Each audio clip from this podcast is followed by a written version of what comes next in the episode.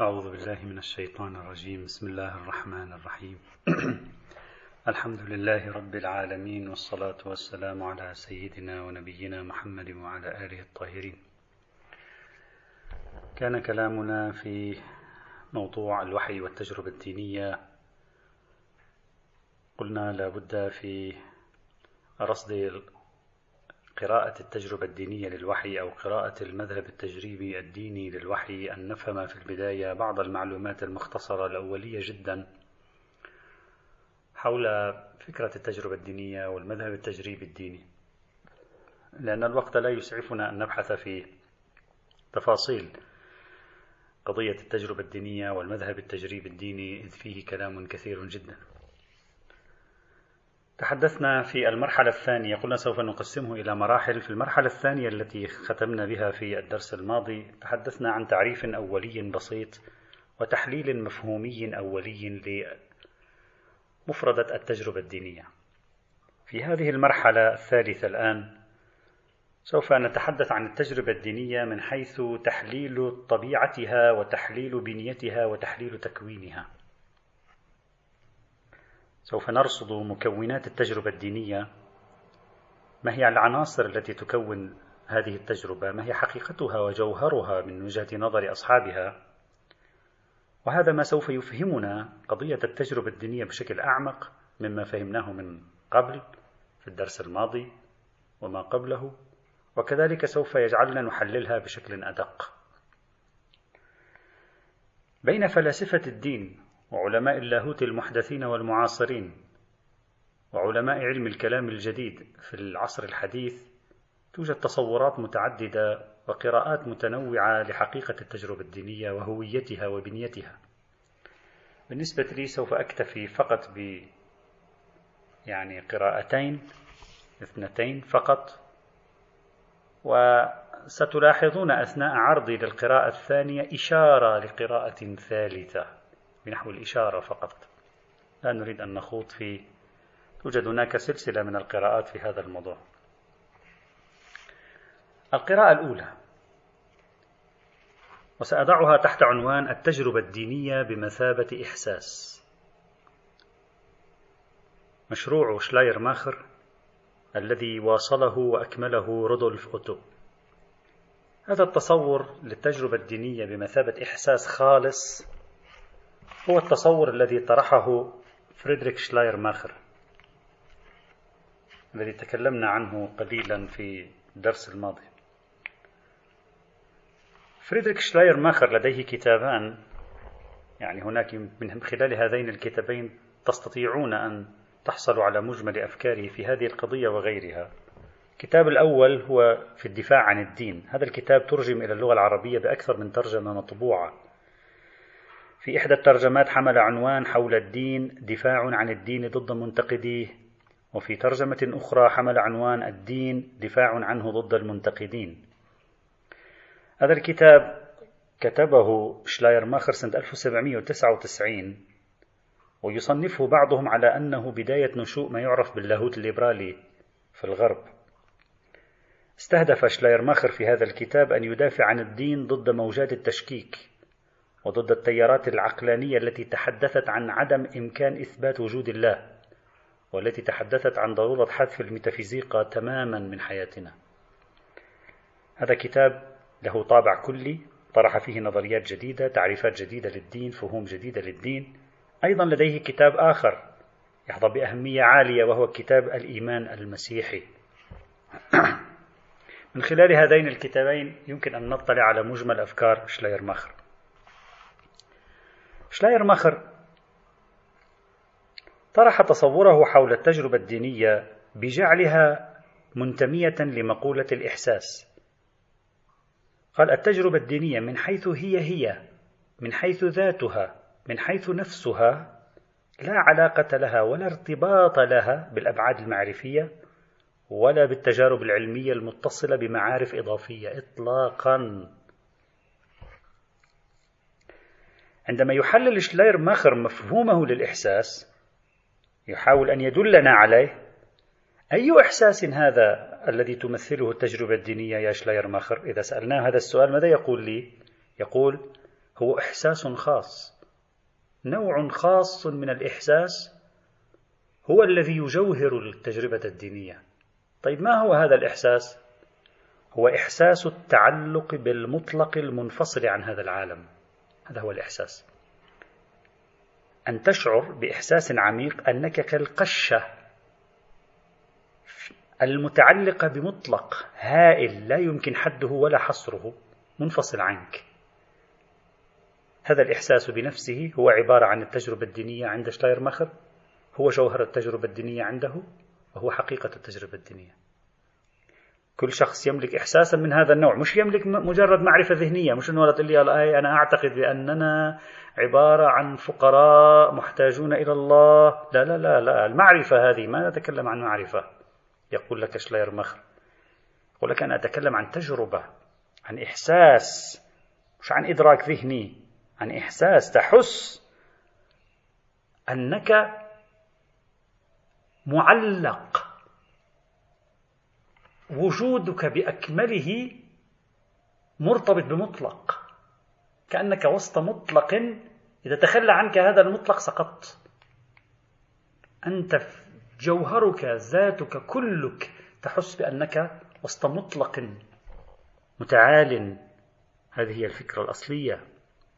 كل من يملك هذا النوع من الإحساس هو صاحب تجربة دينية. كل من لا يملك هذا النوع من الإحساس حتى لو يملك تجارب أخرى. لا نعبر عنه بأنه صاحب تجربة دينية. طيب. طيب أنت من حقك الآن تسأل شلاير ماخر. جميعنا من حقنا آه، أن نسأل شلاير ماخر. طيب المعرفة الدينية وين بتصير؟ العقائد الدينية وين بتصير؟ الأعمال والطقوس الدينية وين بتصير؟ السلوكيات الدينية وين بتصير؟ تصورات الأديان وين بتصير؟ هذه وين وين هذه يعني؟ كيف؟ أين تضعها إذا كانت دين جوهره هو التجربة الدينية. والتجربة الدينية جوهرها هو الإحساس إحساس التعلق بالمطلق المتعالي المنفصل. طيب والإحساس في ذاته ليس معرفة. طيب وين إذا هذه الأديان التي نراها وين هذه؟ وين تضعها يا أخي؟ أين يمكنك أن تصنفها؟ يقول لك شلاير ماخر بكل وضوح هنا. يقول لك العقائد المفاهيم الأعمال الطقوس السلوكيات الدينية ليست تجربة دينية.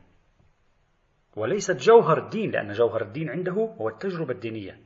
طيب هذه ما هي؟ يقول هذه شيء يأتي عقب التجربة الدينية. يعني تحدث التجارب الدينية في حياة البشر؟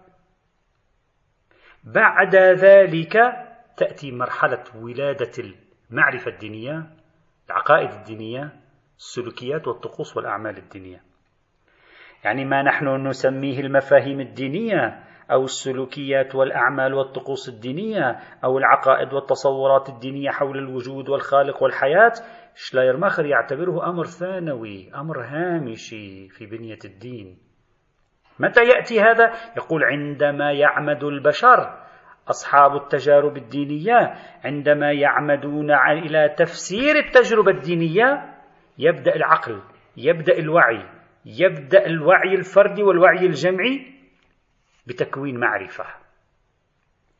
وتتشكل على إثر ذلك سلسلة مفاهيم سلسلة عقائد سلسلة طقوس سلسلة سلوكيات. تعبر عن هذه التجربة. يظهر المجتمع الديني. معنى هذا الكلام عند شلايرماخر بشكل دقيق أن التجربة الدينية إحساس خالص. المعرفة تأتي عقب بدء الإنسان بتفسير هذا الإحساس وتصور هذا الإحساس ذهنيا. الإحساس في نفسه لا يعطي معرفة ولا يمكن أن تصفه بالخطأ والصواب لأنه ما في معرفة حتى تقول خطأ وصواب.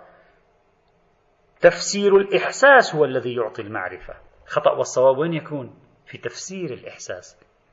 تفسير الإحساس هو الجزء الهامشي من الدين. الجزء الأصلي من الدين ما هو؟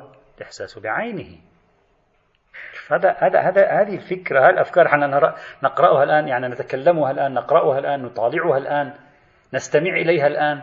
سهلة نفهمها. لكن هذه في وقتها ثورة. شيء غريب جدا عن كل منظوماتهم كان. بهذا توصل شلاير ماخر إلى أن الدين الذي هو في جواره التجربة الدينية عبارة عن شيء لا يمكن أن نأخذه من العلم لا يمكن أن نأخذه من العقلانية لا يمكن أن نأخذه من النقد التاريخي لا يمكن أن نأخذه من كل هذه الأشياء ولا من الكنيسة ولا من الطقوس. هذه كلها لا تعطيني إحساس التعلق التام بالمطلق اللامتناهي. إحساس تشعر فيه بأنك جزء صغير في اللامتناهي. وإنما من يعطيني هذا؟ يعطيني هذا رحلة باطنية. أغدو فيها إنسان ليس لي قرار ليس لي كينونة إلا عين التعلق بالمطلق اللامتناهي الذي هو نسميه نحن الله. إذا لأول مرة يتم تعريف الدين بهذه الدائرة الداخلية الباطنية التي يقوم العقل لاحقا بالتعبير عنها. تعبيري وشرحي لهذا الإحساس الموجود عندي أو هذا الإحساس الموجود عند غيري هو التفسير العقلي للتجربة. عندما نعبر ونفسر ونشرح الإحساس يظهر ما يسمى بعلم اللاهوت علوم الأديان. تظهر الأديان بوصفها أيضا كتب دينية. هذه الكتب الدينية ما هي؟ هذه الكتب الدينية تفاسير التجارب الدينية. يعني جزء هامشي من الدين. وبهذا لم يعد جوهر الدين عبارة عن مجموعة من القضايا الخبرية والتاريخية والعقائدية. وبالتالي أصول الدين هي الأصول الخمسة مثلا أو الثلاثة. ها؟ أو الأربعة على حسب اختلاف المذاهب الإسلامية.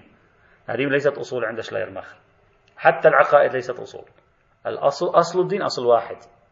إحساس التعلق بالمطلق اللامتناهي من هنا ميز شلايرماخر بين اللاهوت اللي هو عبارة عن مجموعة من العلوم والقضايا وبين الدين اللي هو تجربة روحية عميقة يعيشها البشر أو بعض البشر خاصة عند المصائب.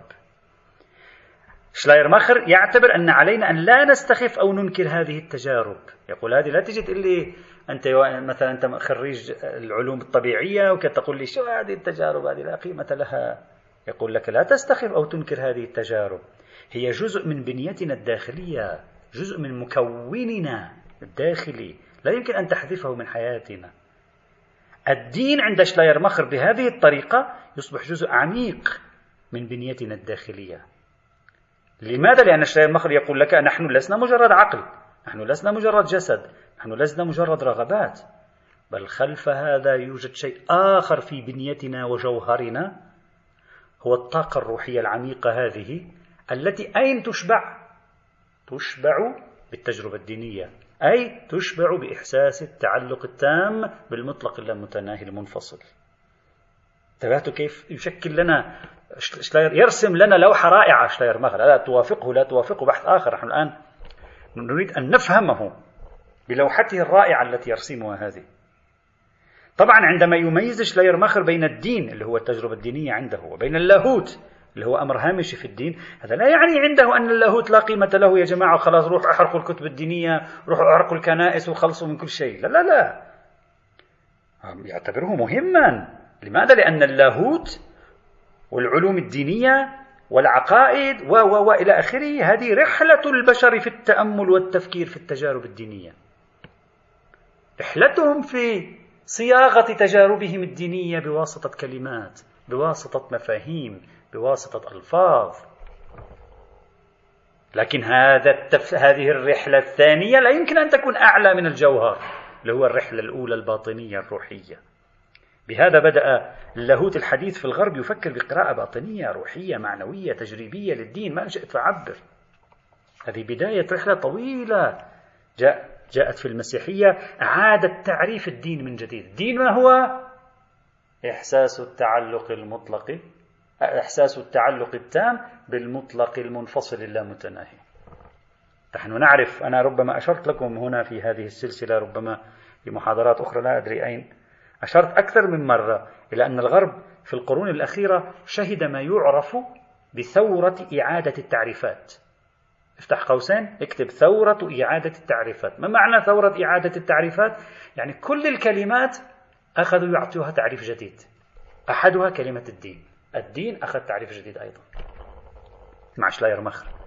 طبعا ليس كلهم وافقوه لكن أقول ظهر هذا التيار على أي حال. انطلاقا من هذا كله تأخذ نظرية شلاير مخر الوحي تفهمه كيف؟ طبيعي تفهمه على أنه تجربة دينية عاشها أحد ما بين قوسين نسميه نحن نبي عاشها في زمان ما. هذا الوحي النبوي هو من أرقى أشكال التجربة الدينية. أعلى شكل للتجربة الدينية عند شلايرماخر هو ما حصل لعيسى المسيح. وأيضا بعد ذلك ما حصل للأنبياء. طيب. هذه القراءة للدين. بوصفه تجربة إحساسية غير معرفية. طبعا ينتج عنها معرفة. أي متى ينتج عنها معرفة؟ عندما نفسرها عندما نحللها عندما نقرأها عندما نعبر عنها تبدأ تولد المعارف الدينية. هذه القراءة للدين بصفته تجربة إحساسية خالصة. واضح أنها تترك تأثير على كيفية تعاطي مدرسة شلايرماخر مع الكتاب المقدس. وكيف هذه المدرسة وأمثال هذه المدرسة؟ تخطوا الأزمات النقدية التي واجهت الكتاب المقدس. ما يهم هذه المدرسة من الكتب الدينية الكتب الدينية لم تعد هي الجزء الأصيل. ما يهمهم من الكتب الدينية أن الكتب الدينية أولا تخبرنا عن واحدة من أرقى التجارب الروحية الدينية هي تعبر تخبرنا عنها. هي ليست التجربة الدينية هي إخبار عن التجربة هي تفسير هي شرح للتجربة التي حصلت. إذا هي تخبرنا وهذا أو هذه شيء جميل. مهم جدا. ثانيا الكتب الدينية الآن دورها أنها تلعب دورا تحريكيا. إذا أردت أن أسميه طاقويا عندما يواجهها المؤمن. الكتب الدينية قيمتها في التحريك في خلق طاقة الانبعاث نحو الإحساس بالتجربة. هناك فرق ما معنى هذا الكلام؟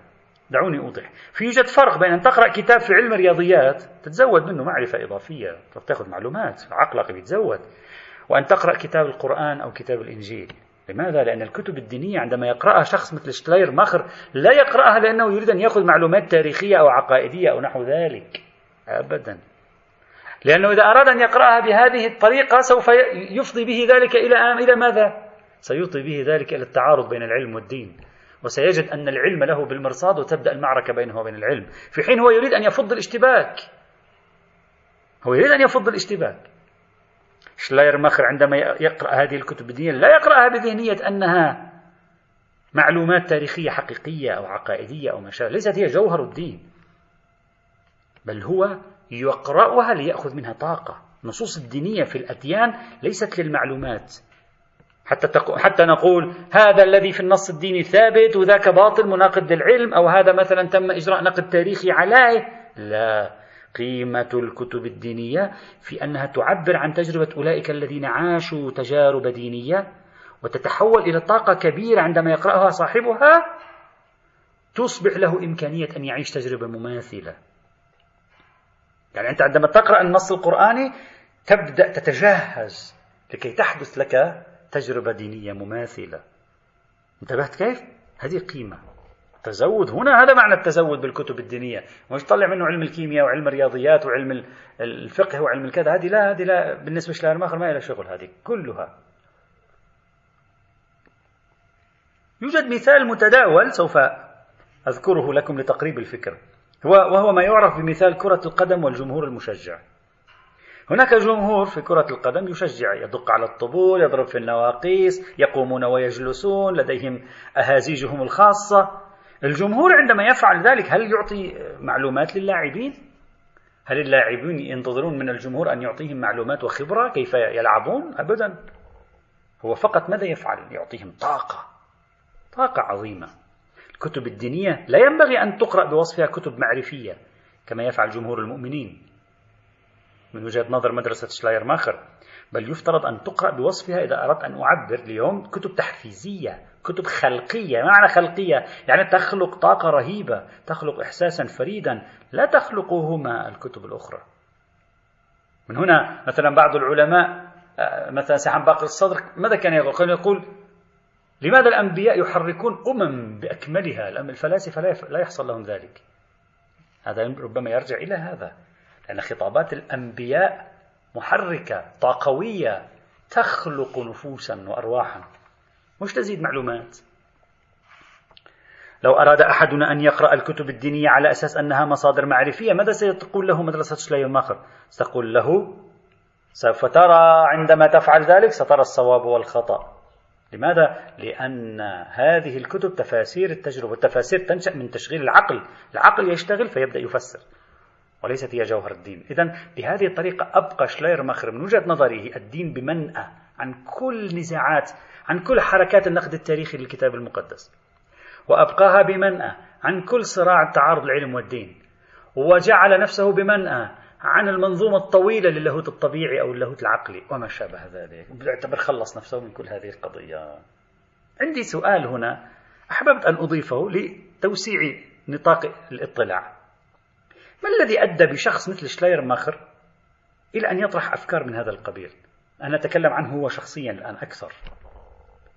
غير الأسباب الأربعة التي ذكرناها سابقا هذه أسباب عامة كلية محيطة به وبمجتمعه لكن يوجد له أسباب خاصة هو أيضا مؤثرة عليه. قد تكون مؤثرة على غيره أيضا لكن ينبغي أن نرصدها لنرى كيف تولد الأفكار. يمكن أن أجيب عن هذا السؤال من خلال نقطتين. أولا شلايرماخر عاش في ظل أسرة بروتستانتية. وهذه الأسرة البروتستانتية تأثرت بتيار بروتستانتي وحركة في بدايتها كانت حركة لوثرية نسبة إلى مارتن لوثر. حركة بلغت أوجها منذ أواخر القرن السابع عشر وإلى منتصف القرن الثامن عشر. وهذه الحركة تعرف في التاريخ المسيحي باسم الفرقة الزهدية ويعبر عنها أيضا الفرقة التقوية من التقوى. بايتيزم بايتيزم P I E T I S M. الفرقة التقوية هذه هي عبارة عن فرقة ظهرت بعد أن سيطر البروتستانت على الشمال الأوروبي. صار الشمال الأوروبي خاصة ألمانيا أغلبه بروتستانت. وصارت الكنائس البروتستانتية لها شبكة من النفوذ. وصارت الملوك أيضا والزعماء أيضا على على خضوع للكنيسة البروتستانتية. لاحظ؟ البروتستانت مارتن لوثر الذي ثار على الكنيسة الكاثوليكية وأحد أهم أسباب ثورته على الكنيسة الكاثوليكية في القرن السادس عشر يعني قبل ذلك ب 200 سنة تقريبا. أحد أهم الأسباب ما هو؟ اندهاشه بالدنيا التي غرق بها غرقت بها الكنيسة. راح زار الفاتيكان أغمي راح زار روما أغمي عليه تقريبا. من البذخ والناس المساكين وتجمع الأموال لكي تبنى الكنائس الضخمة في الفاتيكان. هذه حوادث موجودة وجمعت أموال هائلة وصكوك الغفران. لماذا؟ لكي تبنى الكنائس الضخمة والأماكن الضخمة التي تعطي الهيبة للكنيسة. والناس تموت من الجوع. ثار مارتن لوثر هذا من أحد أهم أسباب ثورته. مارتن لوثر لم يكن يريد أن يؤسس مذهب اسمه المذهب البروتستانتي. كان يريد فقط أن يصحح الكاثوليكية. لكن حدث ما حدث على أي حال. في عوامل كثيرة أدت إلى الانفصال. بحثناها في سلسلة دروس تطور اللاهوت المسيحي. لكن بعد أن شوف لاحظ هذه هذه الحركة الثورية اللوثرية التي كان هدفها العودة إلى الإيمان الزهد في الدنيا إخراج المسيحية من هذه الأبهة والجاه والمال الذي هي فيه. بعد أن هذا المذهب البروتستانتي نفسه بعد أن أمسك هو بالسلطة بعد مئة سنة 150 سنة تحول هو إلى نموذج آخر أيضا الزعامات والأموال وإلى آخره. في داخله ظهرت الحركة الزهدية التقوية هذه لتدعو الناس إلى الانتباه تصحيح المسير وعدم الوقوع في الخطأ عينه الذي وقعت فيه الكاثوليكية من قبل العودة إلى روح البروتستانتية. إذا شلايرماخر في أسرة وفي فضاء أيضا اجتماعي وألماني في النهاية تأثر بالحركة التقوية هذه. وبالتالي بدا عليه أنه إنسان أقرب إلى الجانب المعنوي من الدين منه إلى الجوانب الأخرى من الدين. هذا أثر فيه ليس هو فقط بالمناسبة. كانت أيضا تأثر بالفرقة التقوية وكان أيضا من من من المتأثرين جدا بالفرقة التقوية، اذا هذا أول عنصر أثر عليه جعله يحاول أن يذهب إلى الدين ليقدم منه فهما روحيا معنويا باطنيا. يبتعد عن كل هذه الأبهات الموجودة. هذا أول سبب. سبب آخر ظهور المذهب الرومانطيقي أو المذهب الرومانسي في الغرب. المذهب الرومانطيقي أو المذهب الرومانسي في الغرب هو مذهب فلسفي أدبي. ظهر في القرنين السابع والثامن عشر لمواجهة طغيان النزعة العقلية لعصر الأنوار أو عصر التنوير. يعني عصر التنوير كان العقل هو كل شيء هو السلطان المطلق قادر على حل جميع المشاكل هو هو كل شيء هو الإله الذي يعبد من دون الله. بينما جاءت النزعة الرومانطيقية اعتبرت أن عصر التنوير بالغ في تقدير العقل. بالغ في اعتباره أن العقل هو الوحيد الذي يملك السلطة المعرفية. يجب أن, أن نتحرر من هذه القيود ونترك أنفسنا خارج إطارها. المذهب الرومانطيقي لم يكن مذهبا دينيا بالمناسبة أبدا إطلاقا. بل مذهب فلسفي أدبي جمالي إنساني ترك تأثيرات رهيبة على أوروبا بشكل واسع في تلك الفترة. استمرت حوالي قرنين. كان شلايرماخر أحد الأصدقاء المقربين من بعض الكتاب الكبار الرومانطيقيين بل هم الذين حثوه على أن يقدم قراءة رومانطيقية للدين. علموه أيضا فنون التأليف فنون الكتابة والتصنيف. المذهب الرومانطيقي يعتبر أن العقل عندما يريد أن يدرك الحقائق ماذا يفعل؟ يجزئها. أنت من الآن بدك تدرك حقيقة معينة. كيف تدركها؟ بعقلك. تجزئها الإنسان كيف تدركه؟ حيوان ناطق. أو الإنسان جسم نام متحرك حساس آه، جسم نام حساس متحرك بالإرادة ناطق. هكذا تفهمه. تدرك الحقائق بواسطة عملية التجزئة. بينما ماذا يقول الرومانطيقيون يقولون العقل بهذه الطريقة يقتل الحقيقة عندما يريد أن يدركها يبعضها يجزئها. نخسر في بالعقل نخسر الحقيقة بشكلها الاتصالي. طيب كيف نعرف الحقيقة بشكلها المتصل؟ قالوا بالإحساس. الإحساس هو السبيل المباشر للمعرفة بالأشياء رغم أنهم لم يكونوا متدينين. الرومانسية أو الرومانطيقية كانت محاولة لتحرير الفرد تركيز على فردانية الناس. لاحظنا كيف أن شلاير ماخر يركز على الفردانية في الدين. الرومانطيقية كانت تفكك بين الأدب والأخلاق. لا تحب الخضوع للقوانين بما فيها القوانين الأخلاقية. لذلك ظهرت كثير من أشكال الأعمال الأدبية والفنية والرسوم وما شابه يعني فيها خروج عن الضوابط الأخلاقية في تلك الفترة. إذا تأثر شلاير ماخر من جهة بالتيار التقوي البروتستانتي فجعله ينزع نحو البعد المعنوي من الدين. تأثر من جهة أخرى بالتيار الفلسفي الرومانطيقي الذي كان يميل إلى جوهرية الإحساس ومعيارية الإحساس. ومن هنا سعى لتكوين تصور جديد عن الدين ينطلق من التجربة الدينية ثم قام بتفسير التجربة الدينية على أنها إحساس من نوع خاص يتصل بالمطلق المتعالي. وبهذا يعتقد هو بأنه نجح في تلافي المشاكل التي تواجهها الأديان في عصر يعد من أصعب العصور في تاريخ المسيحية. حتى لو أردنا أن نعبر قليلا من شلاير ماخر اتركونا من شلاير ماخر نأتي إلى رودولف أوتو الذي توفي سنة 1937 سنجد أن رودولف أوتو كان من أبرز المتأثرين والمتحمسين لنظرية شلاير ماخر هذه. الدين هو التجربة الدينية والتجربة الدينية هي الإحساس. بل أن رودولف أوتو قال أكثر من ذلك قال العقل قادر على أن يفهم صفات الله قادر عالم خالق إلى آخره لكن العقل لا يقدر أن يفهم شيء آخر في الله اسمه التقدس الإلهي الذات الإلهية المقدسة. الأمر القدسي الموجود لأن هذا الأمر القدسي مدهش رمزي غير مفهوم محير. قال هذا طور فوق طور العقل لا يدرك إلا بواسطة الإحساس الذي هو التجربة الدينية. هناك تظهر تجارب خاصة سيأتي إن شاء الله في الدرس القادم كيف أن رودولف تتحدث عما يعرف عما طرحه باسم التجارب القدسية الروحية. التجارب القدسية الروحية. إذا شلاير مخر تحليل للتجربة الدينية بإرجاعها لمقولة الإحساس ترك تأثيرا كبيرا في المدارس اللاهوتية الحديثة أخذ شهرة واسعة خلال القرنين الماضيين إلى اليوم ما يزال لها أنصار.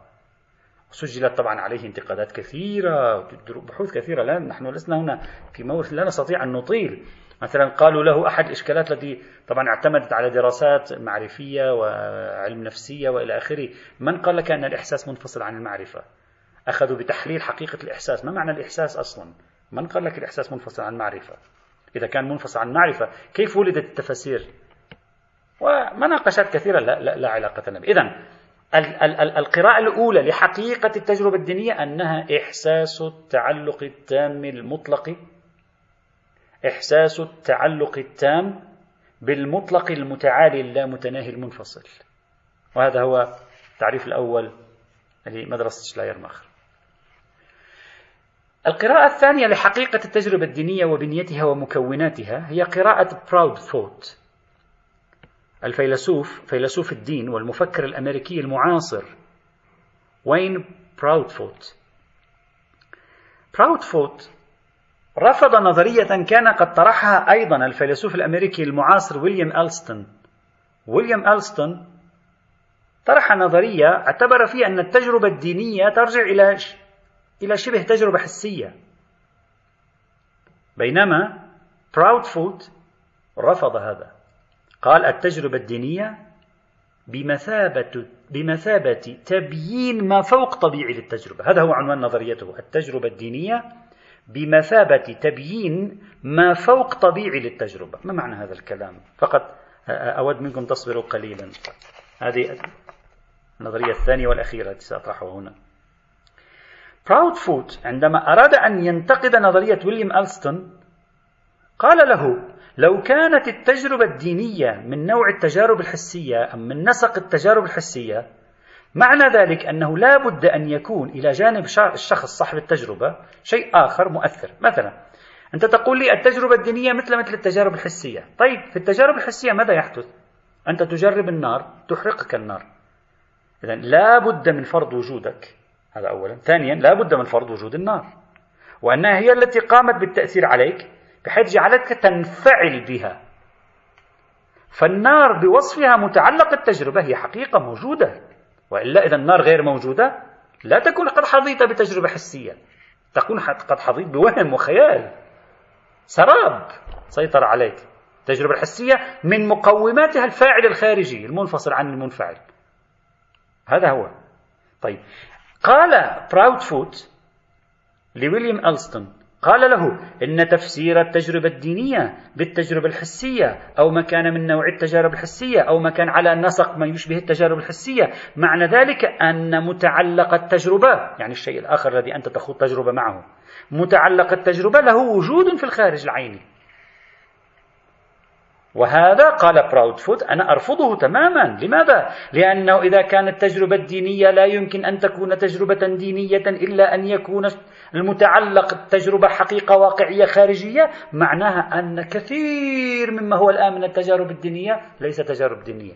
يعني أنت قلصت حجم وعدد التجارب الدينية القائمة اليوم في العالم إلى فقط تلك التي يكون مفروضها الوجود حقيقيا. يعني الطرف الآخر الذي اتصلت به حقيقيا.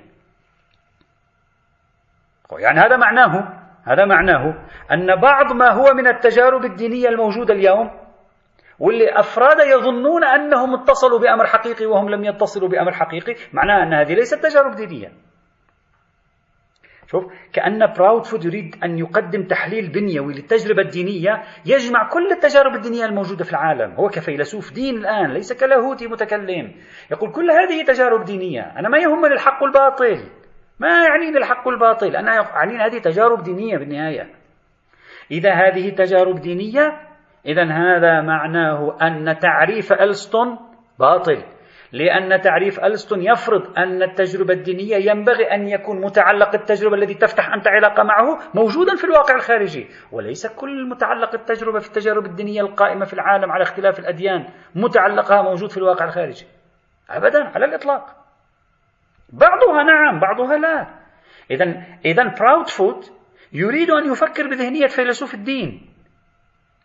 وبالتالي يريد أن يقدم تعريفا أو يعني بيانا لحقيقة التجربة الدينية قادر هذا البيان على أن يفسر جميع التجارب الدينية الموجودة في العالم على اختلاف الناس.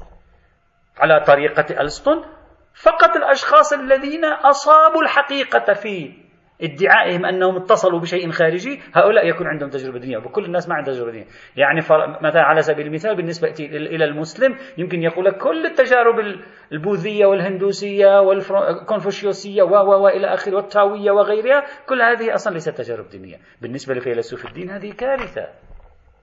هذه بالتأكيد تجارب دينية. طيب بناء عليه ماذا قال براودفوت قال دينية التجربة. حتى أنا أضع يدي على تجربة دينية متصفة بأنها دينية. دينية التجربة لا تكون في متعلق التجربة تكون في فاعل التجربة. أرجو أن تتبعوا جيدا شوية البحث يمكن يكون شوية معقد لكن في نتيجته مسألة مهمة جدا. الأمر ليس في متعلق التجربة لازم يكون متعلق التجربة موجود مثل النار اللي هي متعلق التجربة الحسية. لا. العبرة هنا في فاعل التجربة. بمعنى انتبهوا. بمعنى فاعل التجربة اللي هو الإنسان كيف يفهم تجربته؟ هو كيف يفهمها؟ هو كيف يقوم بتبيينها؟ هو كيف يقوم بتفسيرها؟ إذا فاعل التجربة صاحب التجربة فسرها تفسيرا طبيعيا ماديا ولم يعتبرها دينية. مثل ما لو فرضنا مثلا أن صاحب التجربة قال أنا هذا حدث معي بسبب تأثيرات فسيولوجية أو عصبية مادية في بدني. إذا هو فسرها هكذا إذا هذه التجربة تجربة غير دينية. أما لو صاحب التجربة قال أنا أفسر ما حدث معي على أنه أمر فوق طبيعي. يعني لن يخضع للمعايير المادية البسيطة لا حدث معي شيء استثنائي أمر فوق طبيعي. إذا فهو يجعلها تجربة دينية.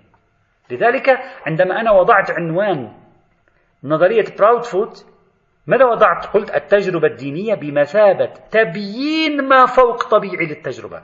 التجربة الدينية هي كل تجربة قام صاحبها بتبيينها وتفسيرها تفسيرا غير مادي، غير طبيعي. تصبح تجربة دينية. إذا جوهرية التجربة الدينية هنا ارتبطت بماذا؟ بفاعل التجربة. كيف يعني بفاعل التجربة؟ يعني بكيفية فهمه هو لتجربته، لا كيفية فهمي أنا لتجربته. لا أن متعلق تجربته واقعي أو غير واقعي أنا ما يهمني يهمني هو كيف فهمها. طيب طبعا ممكن هو يفهمها على أنها تجربة دينية ويقدم تفسير ما فوق طبيعي لها لكن هو مخطئ. ما في مشكلة. المهم بالنسبة لبراود فوت أن التجربة الدينية ظاهرة تأخذ دينيتها من طبيعة تبيين فاعلها لها. المسيحي الذي يخوض تجربة ما يعتبرها ما فوق مادية يعتبرها ما فوق طبيعية هذه يمكن لنا أن نعتبرها تجربة دينية ليس لأنها هي فعلا اتصلت بأمر ما ورائي بل لأنه هو تلقاها على أنها أمر ما ورائي طيب ينتج عن هذا ماذا؟ خطوة بالغة الأهمية قدمها لنا براود فوت وهي أن انتبهوا جيدا ضعوا خط تحت هذه الجملة. التجربة الدينية لا يمكن لها إلا يعني لا تصبح تجربة دينية إلا بعد أن تخضع للتوصيف والتفسير الماورائي من قبل فاعلها. إذا لم يكن لها بعد أي تفسير من قبل فاعلها يربطها بالأسباب ما فوق المادية لن تكون تجربة دينية أساسا. هذا هو ما يعرف في فلسفة الدين وفي دراسات علم الكلام الجديد عند بعضهم أن التجربة الدينية لا تنفصل عن معتقدات فاعلها. أصلا لا تكون تجربة دينية إلا بعد أن يقوم هو بتفسيرها وهو يفسرها تبعا لمعتقداته الشخصية. لأن تفسيره لها قائم على معتقداته قائم على تصوراته المسبقة. لا يمكنه تفسيرها بدون مفروضات ذهنية مسبقة بدون خلفيات ثقافية كذلك. من هنا تأتي الجملة المشهورة لا تجربة دينية من دون تفسير. وهذه كانت فكرة محورية استخدمها بعض الباحثين المعاصرين يعني لمن يريد أن يفهم الخلفيات الفكرية من أمثال عبد الكريم سروش وشبستري وملكيان وكثيرون تحدثوا عن هذه الفكرة أيضا. إذا من الواضح وفقا لتحليل بنية التجربة الدينية من منظور الباحثين هنا واضح أنه صار عندنا نظريتين أساسيتين. وفي واحدة أشرت إليها أنا إشارة. النظرية الأولى التجربة الدينية. جوهر إحساسي خالص بالتعلق التام بالمطلق المنفصل اللامتناهي. وهذا مدرسة شلاير ماخر ورودولف أوتو ومن تبعهما. اثنين التجربة الدينية هي عبارة عن تجربة ذات نمط محاك للتجربة الحسية وهو ما طرحه ويليام ألستون.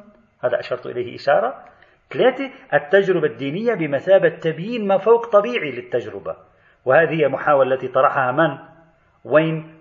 براود فودز من الواضح وفقا لهذه الآراء التي تحدثنا عنها قبل قليل أن تجربة الوحي اللي نحن عم نبحث عنها اليوم هي تجربة دينية بامتياز. لماذا؟ أولا الوحي يتضمن إحساسا باطنيا ناتجا عن المواجهة مع العالم المقدس ومع الله. إذا الوحي من وجهة نظر شلاير ماخر. تجربة الأنبياء من وجهة نظر شلاير ماخر هي تجربة دينية.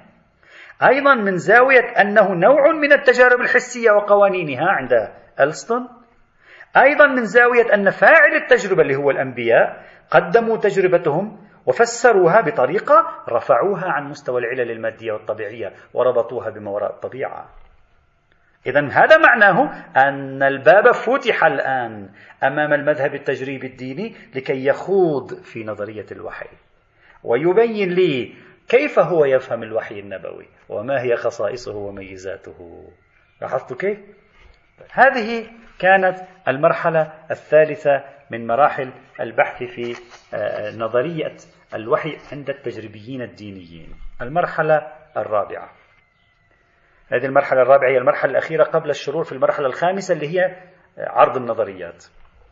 المرحلة الرابعة التجربة الدينية الأنواع والأقسام. إذا أولا ذكرنا تمهيدا مع بيان مبررات ظهور المذهب التجريبي. ثانيا تحدثنا عن تعريف أولي مبسط وتحليل أولي مبسط لفكرة التجربة الدينية. ثالثا ذكرنا النظريات أهم نظريتين مطروحتين في تبيين حقيقة وروح وجوهر التجربة الدينية. رابعا أنواع وأقسام التجربة الدينية. آخر نقطة يلزمني شرحها قبل أن أبدأ بتفسير الوحي المنتمية للمذهب التجريبي الديني أو ببعض تفسير الوحي هو أنواع التجربة الدينية. يوجد خلاف عميق بين الباحثين هنا في هل أن التجربة الدينية لها أنواع أو لا. هنا في تيارين كبيرين. التيار الأول ويسمى التيار الذاتوي الجوهري. التيار الذاتوي الجوهري.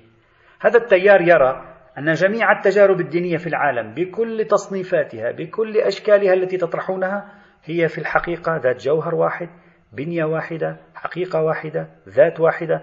لا توجد أنواع متعددة لا توجد موائز جوهرية بينها إطلاقا. ما في فرق بين أي تجربة وبين التجربة العرفانية. ما في فرق بين أي تجربة بين التجربة النبوية الوحية. تجربة مؤمن عادي في مكان ديني حصلت له مثلا تجربة معينة هي في الجوهر والروح والحقيقة مثل تجربة أكبر عارف في أي قضية كانت. كله واحد. مواجهة أمر إلهي أو مواجهة أمر قدسي متعال أو مواجهة أمر ما فوق طبيعي أو ما شابه ذلك. طيب ما الشيء الذي يميز تجربة عن تجربة أخرى؟ يقول لك يميزها أمور عارضة أو لاحقة على التجربة. مثلا يميز تجربة عن تجربة الفضاءات الثقافية لصاحب التجربة. لما يجي يشرح لنا إياها تطلع مثلا عبارة عن شيء آخر. اللغة فاعل التجربة هو نفسه كشخص أيضا إلى آخره. إذا ما نتصوره تنوعا في التجارب هؤلاء يعتبرونه تنوع خارج التجربة. أما في ذات التجارب فهم يختزلونها بأجمعها ليرجعوها إلى نوع واحد من التجربة. هو فقط شيء واحد. إذا هؤلاء ماذا يعتبرون؟ يعتبرون تفسير التجربة أمر مغاير للتجربة. أما بعض النقاد الآخرين قالوا تفسير التجربة جزء أساسي من التجربة. يعني إذا أنت جعلت تفسير التجربة جزء أساسي من التجربة لابد أن تتنوع التجارب. إذا فصلت تفسير التجربة عن التجربة يأتي هؤلاء يقولون بما أننا فصلنا تفسير التجربة عن التجربة نحلل التجربة نفسها سنجدها أنها واحدة من وجهة نظرهم طبعا هل تفسير التجربة جزء من التجربة أو لا؟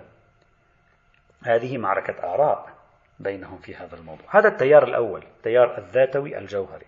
التيار الثاني ويسمى بالتيار البنائي. التيار البنائي. هذا التيار يعترف بوجود موائز حقيقية بين التجارب. ويعتبر أن تنويع التجارب الدينية هو حقيقة قائمة. ما في مجال هي متنوعة مختلفة عن بعضها جوهريا مختلفة.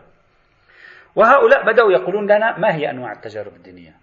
بعضهم جعل اثنين بعضهم ثلاثة بعضهم أكثر إلى آخره. وأحد أشهر هذه التنويعات هو التنويع الذي سوف أعتمده. التنويع السداسي الذي كتبته كارولين فرانكس ديفيز في كتاب لها معروف حول قوة الإثبات في التجربة الدينية. يعني هنا سوف نبحث ستة أنواع للتجربة الدينية وكل واحد من هذه الأنواع كيف قدرته على إثبات الحقيقة. يعني قدرته على يعني الجانب الإبستمولوجي منه أيضا. لنرى. طبعا عندما نتكلم يعني أرجو الانتباه جيدا. نحن أمام مدارس كثيرة. يمكن شلاير ماخر ما يوافق على بعض هذه التقسيمات. يمكن ألستون ما يوافق. نحن متداخلون. نحن نبحث الآن بشكل عام.